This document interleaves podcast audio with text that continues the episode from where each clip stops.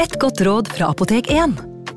Nå er snart pollensesongen i gang, og et godt råd til deg som sliter med pollenallergi, er å begynne behandlingen i god tid før allergisesongen starter. Da får du nemlig enda bedre effekt av legemidlene, og så blir ikke våren din helt ødelagt. Kom innom og få råd på ditt nærmeste Apotek 1, eller chat med oss på apotek1.no. Apotek 1 vår kunnskap, din trygghet.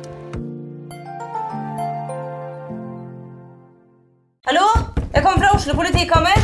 Ine Jansen er purk. Er du purk? The motherfucking bitch. Alt jeg vil, er å finne ut hva som skjedde med mannen min. Jon Carew. Er jeg sikta for noe? Iben Akeli. Det er du. Ole So, Lars Berrum og Big Daddy Karsten. Hvem sin side er du på, egentlig? Anette Hoff, Tone Danielsen, Kommer du fra Afrika? Jørnis Josef, Nesten kløfta. Trond Espen Seim, Det er synd å si det, men det var feil mann som døde. Purk. Premiere tirsdag på TV2 Play. Hei! Takk for at du lytter til True Crime Podden dokumentar. Skulle du ønske at du kunne høre en ny episode av denne podkasten hver eneste uke? Vel, da er det bare å laste ned podkastappen Untold med en gang. I tillegg til ukentlige episoder av podkaster som Skrekkpodden, Synderne og True Crime Podden, får du masse annet reklamefritt og eksklusivt innhold.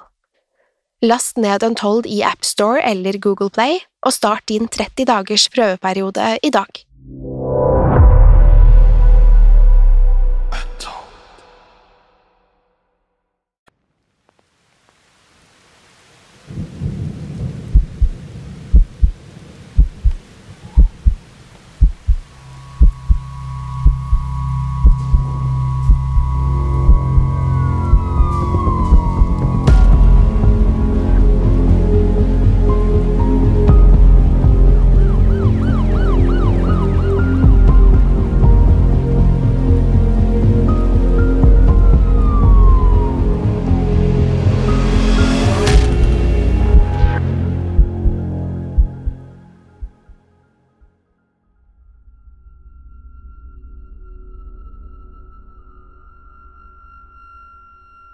I oktober 1921 forberedte Roscoe Arbuckle seg på rettssaken som skulle avgjøre hans fremtid.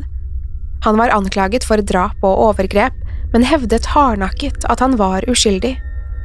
Arbuckle håpet fremdeles at det hele snart ville være over, og at han så fort som mulig kunne returnere til sitt gamle liv.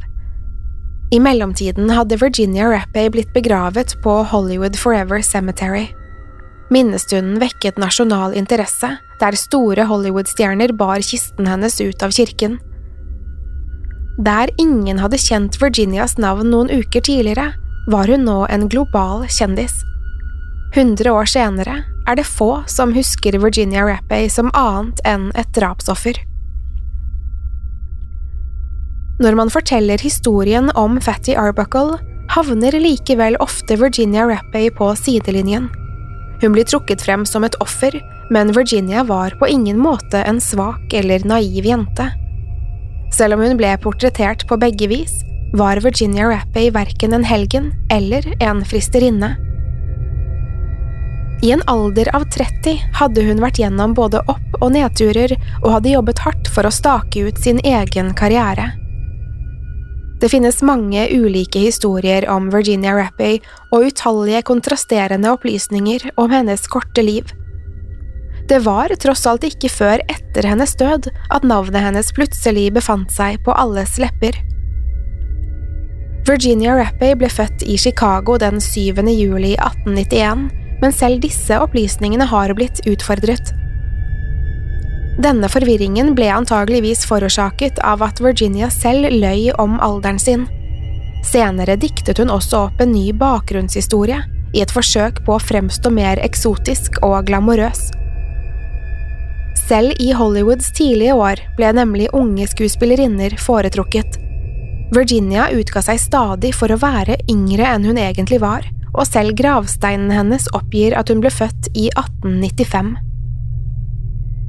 Moren til Virginia, Mabel Rapp, var fremdeles tenåring da hun ble gravid, og barnet hadde i tillegg blitt unnfanget utenfor ekteskap. Virginia hadde aldri noe forhold til faren sin, og vokste opp i troen om at Mabel var hennes eldre søster.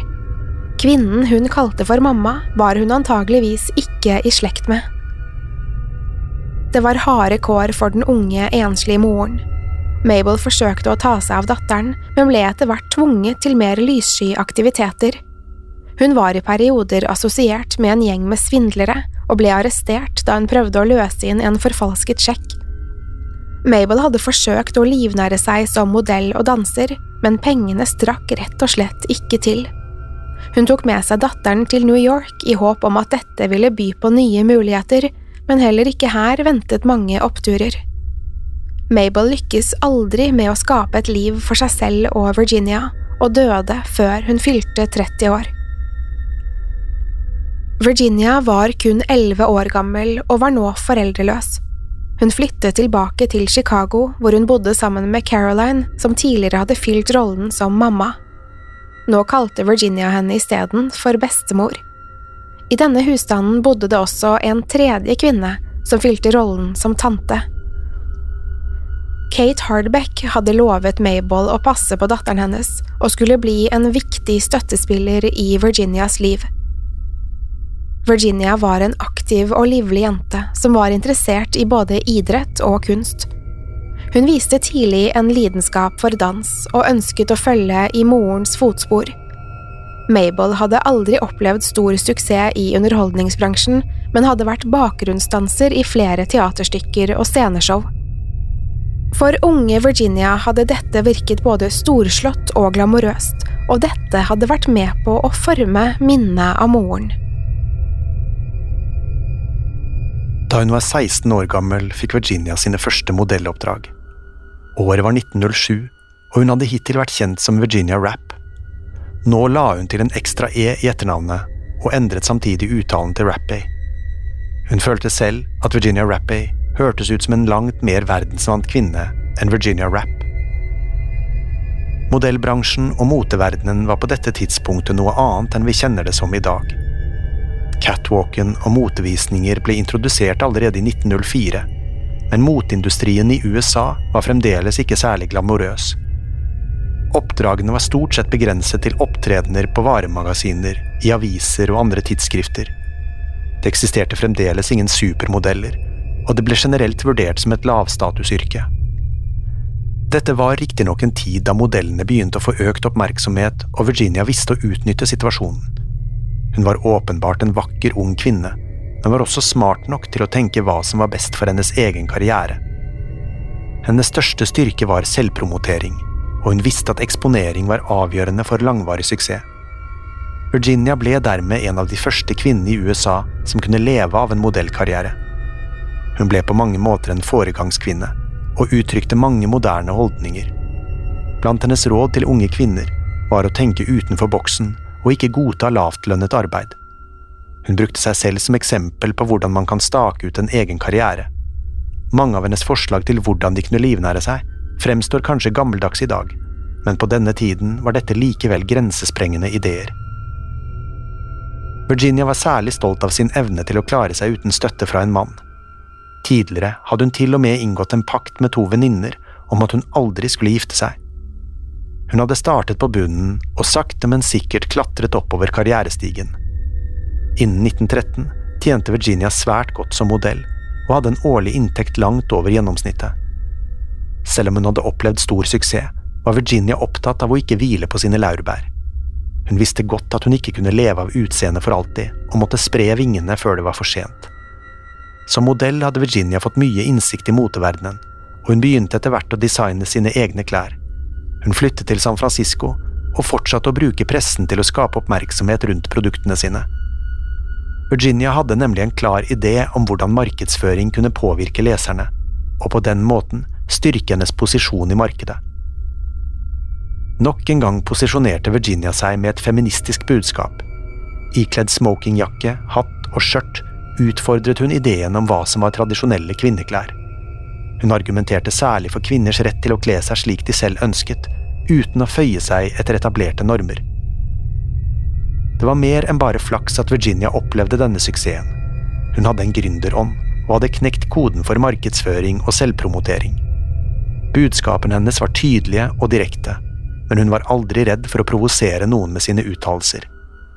Denne historien, om en sterk, selvstendig og målrettet kvinne, står i sterk kontrast til bildet som ble malt av Virginia i etterkant av hennes død. I 1916 bestemte Virginia seg for å prøve lykken i filmbransjen. Hun arbeidet fremdeles som modell, men karrieren som klesdesigner hadde stagnert. Tusenvis av unge lovende strømmet i disse årene til Hollywood i håp om å bli den neste store filmstjernen, og Virginia kastet seg nå på denne bølgen. Hun hadde ingen erfaring, men lot ikke dette stoppe henne. I stumfilmens alder var fremdeles utseendet en av de viktigste egenskapene til en skuespiller. Virginia håpet derfor at hennes bakgrunn som modell ville gi henne et fortrinn, men hun opplevde likevel ingen umiddelbar suksess. Virginia var ikke mer enn 25 år, men konkurrerte allerede mot langt yngre jenter, helt ned i tenårene. Hun hadde allerede løyet om alderen sin da hun jobbet som modell, men jo eldre hun ble, jo flere år så hun seg nødt til å trekke fra.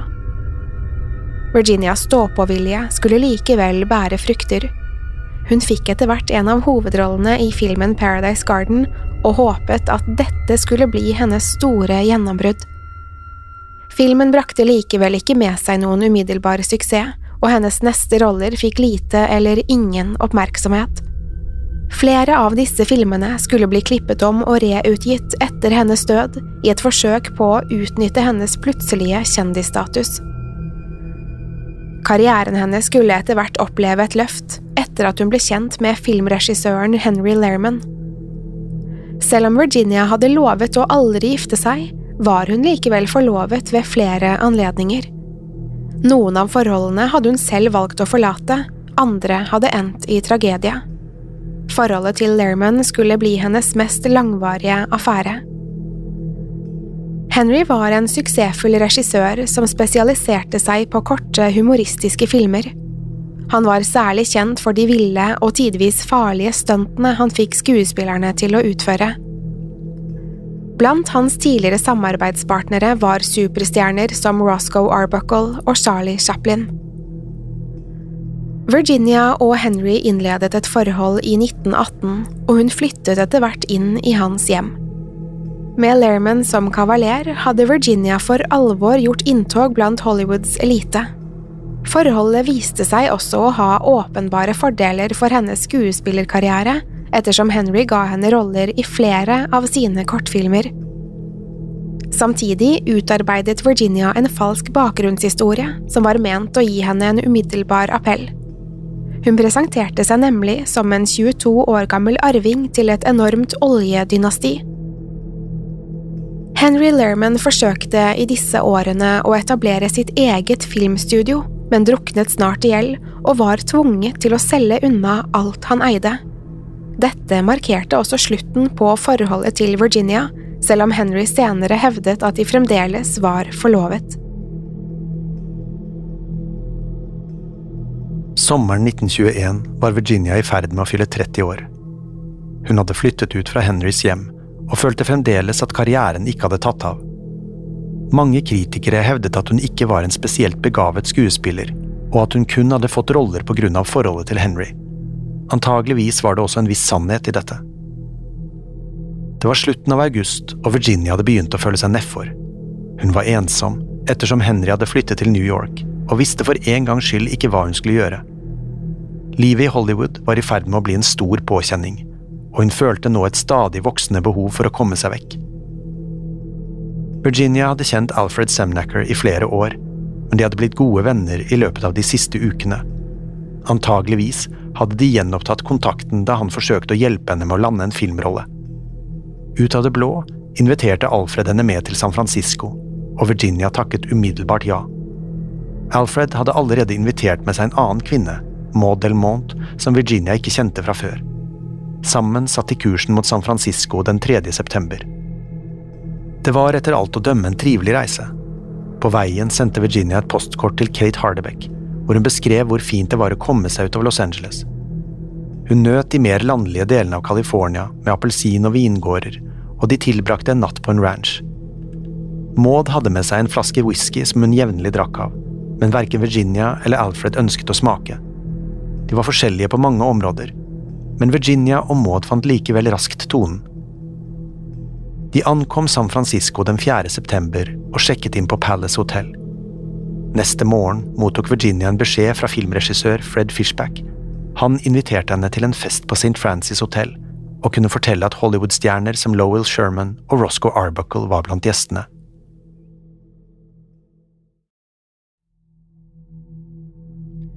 Overskriftene som ble trykket i etterkant av Virginias død, etterlot ikke mye til fantasien. Arbuckle ble jevnlig beskrevet som en feit komiker, og Virginia ble omtalt som en ung jente. Flere av avisene rapporterte at hun hadde dødd etter å ha deltatt i en orgie på hotellrommet. De mer anstendige overskriftene omtalte det simpelthen som en vill fest. Det var en konstant kamp om leserne, og de mest sensasjonelle vinklingene nevnte umiddelbart muligheten for at Arbuckle risikerte å bli dømt til døden. Noen få kinoer spilte fremdeles filmene til Roscoe Arbuckle, som inntil nylig hadde vært blant landets mest populære. Samtidig var det stadig flere som markerte sin avsky mot filmstjernen. Avisene skrev blant annet om en hendelse i Wyoming der 150 menn entret en kinosal, pekte revolvere mot filmlerretet og fyrte av skarpe skudd i protest. Historien var diktet opp, men den symboliserte likevel hvordan hele nasjonen hadde vendt seg mot Arbuckle. Roscoe Arbuckle forventet i verste fall å bli anklaget for uaktsomt drap, men påtalemyndighetene hadde fremdeles ikke lagt fra seg ideen om en strengere dom. De jobbet nemlig med muligheten for å sikte Arbuckle for overlagt drap. Fremdeles forsøkte mange å forstå hva som egentlig hadde hendt inne på rom 1219 på St. Francis hotell. Uansett hva som hadde skjedd, var Arbuckle en synder i offentlighetens øyne. Han var fremdeles en gift mann, men hadde lokket unge kvinner til hotellrommet, hvor han skjenket dem med alkohol. Dette var handlinger som neppe hadde skapt like sterke reaksjoner i dag, men i forbudstidens USA var det nok til å vekke oppsikt. De samme menneskene som dømte Arbuckle, la samtidig vekt på Virginias uskyld. Hun ble gjerne beskrevet som en ung, naiv og uskyldig jente, selv om hun i realiteten var 30 år og hadde rikelig med livserfaring. Forsvarsadvokatene til Arbuckle innså at deres eneste mulighet var å svekke troverdigheten til Maud Delmont og de andre kvinnelige vitnene. Arbuckle hadde Fishback og Sherman på sin side, men fryktet at dette ikke ville være nok til å bevise sin uskyld. Maud hadde allerede fremstått usikker og nervøs i tidligere avhør, men hevdet selv at dette var et resultat av sykdom og selvmedisinering. Hun var fremdeles innstilt på å vitne mot Arbuckle, og var trygg på at forklaringen ville sende ham i fengsel. Det var likevel en uttalelse fra Alfred Semnacker som vekket størst interesse hos påtalemyndighetene. Alfred avslørte nemlig sjokkerende detaljer om kvelden som Roscoe Arbuckle hadde delt med ham. Semnacker fortalte at Arbuckle hadde tvunget et stykke is inn i Virginia. Alfred ble åpenbart ukomfortabel da han ble bedt om å fortelle hva dette innebar. Motvillig informerte han om at dette var snakk om vaginal penetrering med is. Disse opplysningene ga nytt liv til anklagene om grovt seksuelt overgrep. Den 22. september begynte høringene som skulle fastslå om påtalemyndighetene hadde tilstrekkelig bevis mot Roscoe Arbuckle. Utfallet av dette ville avgjøre om han ble stilt for retten. Mange nysgjerrige tilskuere trappet opp for å følge utviklingen. Noen av dem var der for å vise sin støtte, andre for å uttrykke sin avsky. Saken hadde særlig vekket sterke reaksjoner hos kvinner, som var lei at menn gikk ustraffet fra overgrepssaker. Historien som spredte seg blant befolkningen, var at Roscoe Arbuckle hadde overfalt Virginia og tvunget henne ned i sengen. Mange mistenkte at hun deretter ble knust som følge av Roscoes vekt, og at dette forårsaket de fatale skadene. Representanter for nye kvinnegrupper krevde rettferdighet for Virginia Rappey, så vel som andre ofre for seksuelle overgrep. I et opprop som forblir like relevant i dag, uttrykte kvinnene sin frustrasjon med hvordan voldtektsofre ble kontinuerlig ignorert. Først og fremst ønsket de en rettferdig og saklig rettsprosess, som så bort fra at Roscoe Arbuckle var en global superstjerne. Da Alfred Semnacker ble hentet til vitneboksen, var han umiddelbart lite snakkesalig, men han gjenga til slutt historien om Arbuckle, Virginia og isbiten. Dette ble et av aktoratets viktigste våpen under høringene, og ble brukt som et bevis på Arbuckles seksuelle avvik. Denne opplysningen var første steg mot å bevise at han var i stand til å voldta og drepe Virginia Rappay. Avisene kastet seg umiddelbart på denne historien. De fremstilte det som en grov torturseanse der Arbuckle fant glede i å pine og ydmyke Virginia. Alfred hadde selv ikke vært vitne til hendelsen, og gjenfortalte kun Arbuckles historie fra morgenen etter festen. I resten av hans forklaring la Alfred vekt på at han ikke hadde sett noen utukt på hotellrommet. Han beskrev Arbuckle som en gentleman, men dette ble likevel overskygget av historien om isbiten. Forsvarsadvokatene var desperate etter å slukke brannen så fort som mulig. De utfordret Alfreds forklaring, og foreslo at han kanskje hadde misforstått noen avgjørende detaljer. De indikerte blant annet at kanskje isbiten hadde vært på, ikke i Virginia. Videre fulgte angrep på Alfred, så vel som Virginia og Maud. Både Alfred og Maud ble anklaget for å ha planlagt å presse Arbuckle for penger, uten at dette ledet noen vei. Forsvarsadvokaten antydet at Alfred og Maud opprinnelig hadde tenkt å utnytte overgrepet til økonomisk gevinst, men at de måtte endre strategi da Virginia mistet livet. Maud Delmont var 39 år gammel og hadde to mislykkede ekteskap bak seg. Forsvarsadvokatene hadde vært desperate etter å finne noen skjeletter i skapet hennes, men ingenting av betydning hadde dukket opp. Det var forventet at Maud skulle bli aktoratets viktigste brikke, og det vakte derfor stor oppsikt da de valgte å ikke inkludere henne i høringene. Aktoratet valgte i stedet å presentere Zay Provost og Alice Blakes forklaringer. De hadde begge vært til stede på festen, og kunne dermed underbygge Mauds historie. Prevost kunne i tillegg fortelle at Arbuckle hadde truet med å kaste Virginia ut av vinduet fordi hun bråkte så mye. Dommeren lot seg ikke overbevise av aktoratet, som fremdeles ønsket at Arbuckle skulle stå tiltalt for overlagt drap. Han vurderte likevel at det var tilstrekkelig med bevis som foreslo at Arbuckle hadde forårsaket Virginias død. Dommeren valgte derfor å akseptere tiltalen som uaktsomt drap. Roscoe Arbuckle sto der med steinansikt mens han mottok forsiktige gratulasjoner. Han hadde unngått tiltale for overlagt drap, men dette var på ingen måte en komplett seier. Etter å ha betalt kausjonen var Arbuckle igjen en fri mann i påvente av den kommende rettssaken.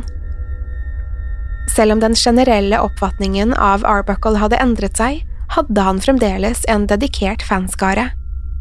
De samlet seg rundt sitt idol og ønsket å uttrykke sin støtte i den vanskelige tiden.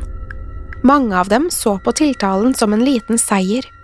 De var overbeviste om at den godhjertede Fatty Arbuckle aldri ville gjort en flue fortred. Dersom han mot formodning hadde skadet noen, kunne det umulig ha vært med overlegg. Selv om mange fremdeles møtte opp for å vise avsky, ble de raskt overdøvet av Roscoes mange dedikerte beundrere. Det nærmet seg datoen for rettssaken, og stadig flere stilte seg forsiktig bak Arbuckle. Hollywood turte fremdeles ikke offisielt å gi sin støtte, men fryktet samtidig hva en dom ville bety for industrien. Det kunne umulig være godt for renommeet at deres største og best betalte stjerne ble dømt for drap. Inntil videre ble det vurdert som mest fornuftig å ikke kommentere saken. Arbuckle håpet fremdeles at han ville bli frikjent, og at han snart kunne returnere til filmbransjen. Han hevdet selv å ha en ren samvittighet, og regnet med at rettssaken ville bevise hans uskyld. Innerst inne forsto antageligvis Arbuckle at det uansett ville være en lang vei tilbake til rampelyset. I perioden før rettssaken var det åpenbare endringer i hans oppførsel. Den en gang så livsglade festløven forlot nå sjelden hjemmet sitt både Roscoe og Mintra hadde mottatt flere trusler, og han hadde begynt å frykte for sin egen sikkerhet. Vakter patruljerte utenfor hjemmet hans, i tilfelle noen skulle forsøke å bryte seg inn. Utenfor tutet bilhorn, og forbipasserende ropte stygge kommentarer. En gang iblant kom det en stein flyvende inn gjennom vinduene. Mintra Duffrey hadde flyttet inn hos Roscoe for første gang på 13 år. Tragedien hadde brakt dem sammen igjen men gjenforeningen var først og fremst et forsøk på å bedre Arbuckles image. Hvis hans kjære kone fremdeles sto ved hans side, kunne han vel umulig være så fæl. Mintra brydde seg fremdeles om Roscoe, men ekteskapet var for lengst over. Antageligvis var det med et visst økonomisk motiv at hun valgte å bli ved hans side. Hun skulle sitte bak han i rettssalen og overbevise jurymedlemmene om at Roscoe Arbuckle ikke var et monster. I det som fremdeles var en sjeldenhet i 1921, skulle juryen bestå av hele fem kvinner. Derfor var det ekstra viktig at Arbuckle fremsto sympatisk. Før rettssaken i det hele tatt begynte, ble det gjort nye forsøk på å sverte Virginia Rappay. Det ble blant annet hevdet at Virginia hadde født et barn utenfor ekteskap og etterlatt barnet i Chicago. Historien ble snart avslørt som oppspinn, men andre rykter fra hennes fortid dukket snart opp. Roscoe Arbuckle og hans omgangskrets ble også etterforsket. Etterforskerne tok i bruk det som fremdeles var ganske moderne metoder, i håp om å avdekke hva som skjedde på rom 1219. Det ble lett etter fingeravtrykk og andre rettsmedisinske bevis på hotellrommet, men dette skjedde først flere dager etter festen. Innen den tid hadde en stuepike allerede ryddet og vasket rommene. Likevel var det et lite håp om å finne bevis som kunne avsløre om noen løy i sin forklaring. Det var duket for en av historiens mest høyprofilerte og kaotiske rettsprosesser.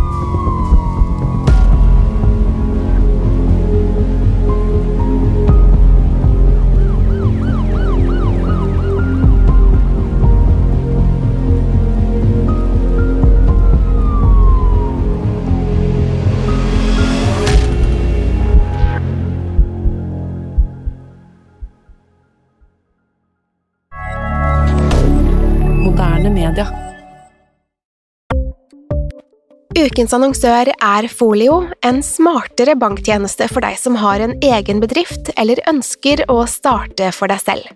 Folio er en superenkel nettbank for bedrifter. Som kunde i Folio får du en bedriftskonto med et bedriftskort og app.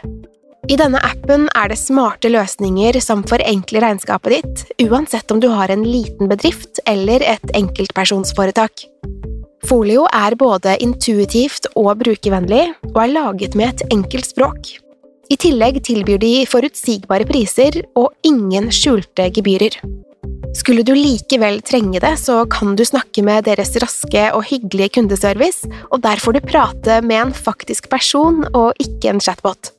Folio er med andre ord både enklere og koseligere enn banken. Over 10 000 bedrifter har allerede valgt Folio som sin banktjeneste, så besøk folio.no og se hvordan Folio kan forenkle din hverdag også. Har du et enkeltpersonforetak eller en liten bedrift? Da er du sikkert lei av å høre meg snakke om hvor enkelt det er med kvitteringer og bilag i fiken, så vi eh, gir oss her, vi. Fordi vi liker enkelt. Fiken superenkelt regnskap. Kiwi er billigst i VGs matbørs og har vært billigst i fire av de fem siste VGs matbørser. Og nå presser vi prisene på frukt og grønnsaker. På 200 gram broccolini setter vi prisen til 24,90. På 400 gram Cevita blåbær setter vi prisen til 49,90. Og husk, alle Kiwi Pluss-kunder får i tillegg 15% trumfbonus på all fersk frukt og grønt. For det er vi som er prispresserne. Og vi i Kiwi gir oss aldri på pris.